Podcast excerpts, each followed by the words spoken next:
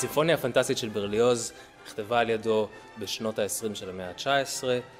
ברליוז היה אז בחור צעיר, שאפתן, אה, מוכן לכבוש את העולם, לא מוכר בכלל, וגם התחיל להלחין בתקופה מאוד מאוחרת בחיים.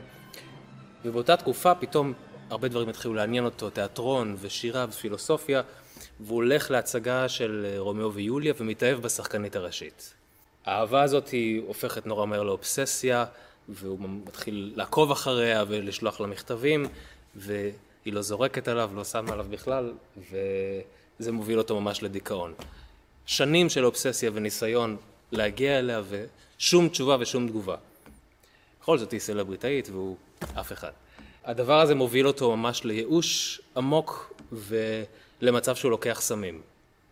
והחוויה הזאת של סמים אה, מעוררת אצלו הזיות וכל מיני חלומות מאוד מוזרים כאלה, והוא מחליט להעלות את זה על הכתב ולכתוב סימפוניה, שמבוססת כולה על ההזיות האלה. ובאמת בסיפור של הסימפוניה המלחין, כלומר הוא לוקח אה, מנת יתר של סמים, אבל המנה לא הורגת אותו, אלא רק גורמת לו להזיות מאוד קשות. וכבר בתחילת היצירה, אמנם יש מבוא די קלאסי, אבל עם איזשהו טוויסט קטן.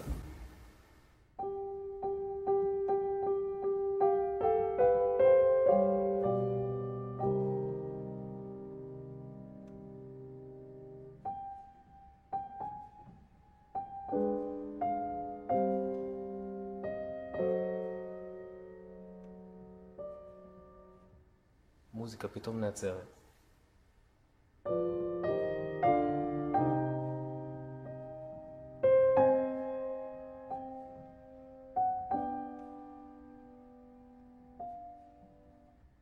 שוב נעצרת.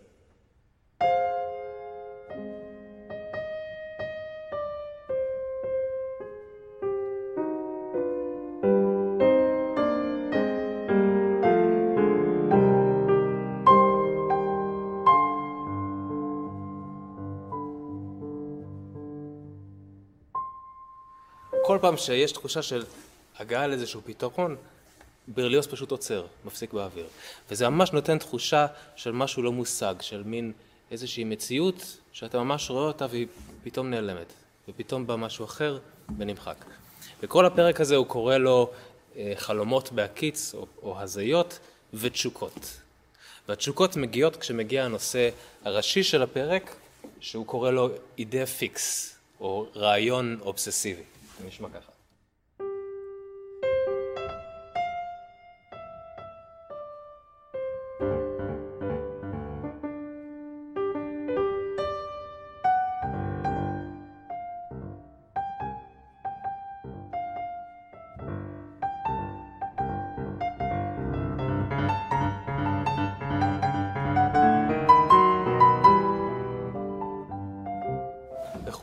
הנושא הזה, אם רק מנגנים אותו בצורה פשוטה, את המלודיה.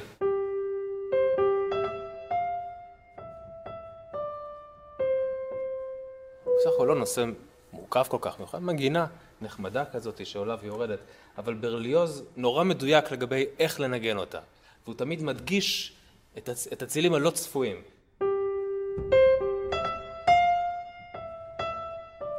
וגם לא סתם מדגיש אותם, אלא ממש כותב קרשנדו, זאת אומרת, לכוון אל הצילים.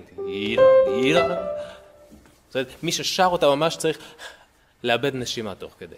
והנושא הזה מייצג את האהובה שלו, הלא מושגת, ולאורך כל היצירה כל פעם חוזר לנושא הזה. בין הפרקים השונים, בין סצנות שונות, תמיד הנושא הזה מופיע וחוזר בכל, בקונטקסט שונה בכל פעם. הפרק השני הוא בנשף, ובו הוא רואה הרבה זוגות רוקדים ואלס.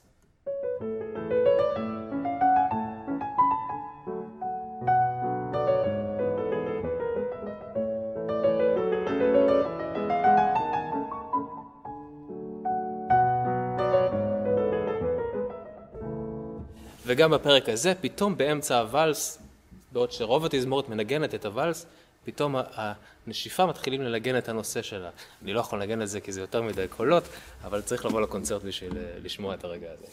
הפרק השלישי הוא סצנה בכפר, ובו הפרק מתחיל אה, עם רועה בכפר או עם עיקר שקורא איזושהי קריאה לאוויר.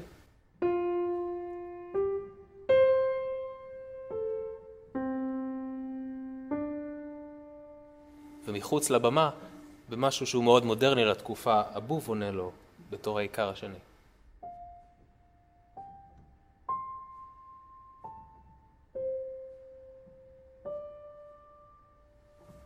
בסוף הפרק, עוד פעם העיקר, אחרי כל הסצנה ואחרי שכמובן הוא עזה אותה פעם נוספת, שוב פעם הוא קורא את אותה קריאה.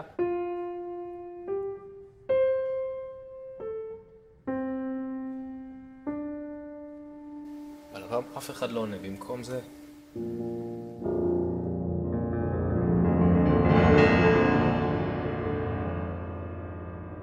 שהוא רעש מסתורי מההרים.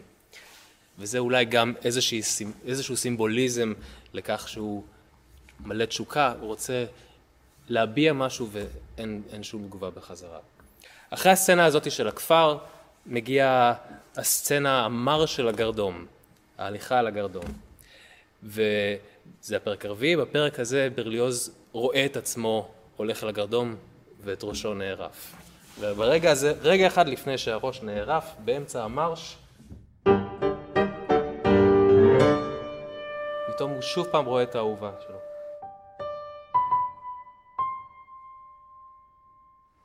אבל רק לשתי שניות והראש נערף. וגם הראש מתגלגל במדרגות.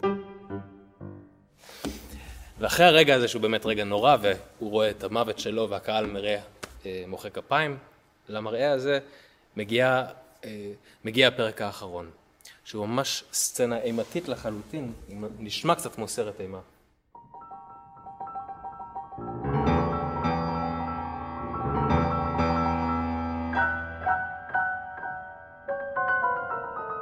כל מיני שדים ורוחות ומכשפות פתאום נכנסות לסצנה, והפרק נקרא חלום על שבת המכשפות.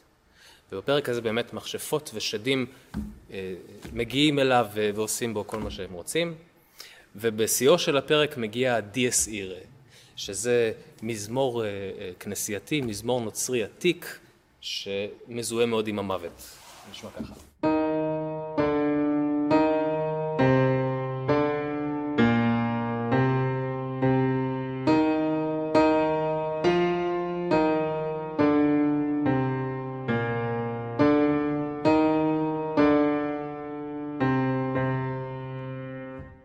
וברליוז מפתח את הנושא הזה ואת הנושאים שלו עצמו, והכל נהיה חגיגה אחת גדולה עם אש ותמרות עשן.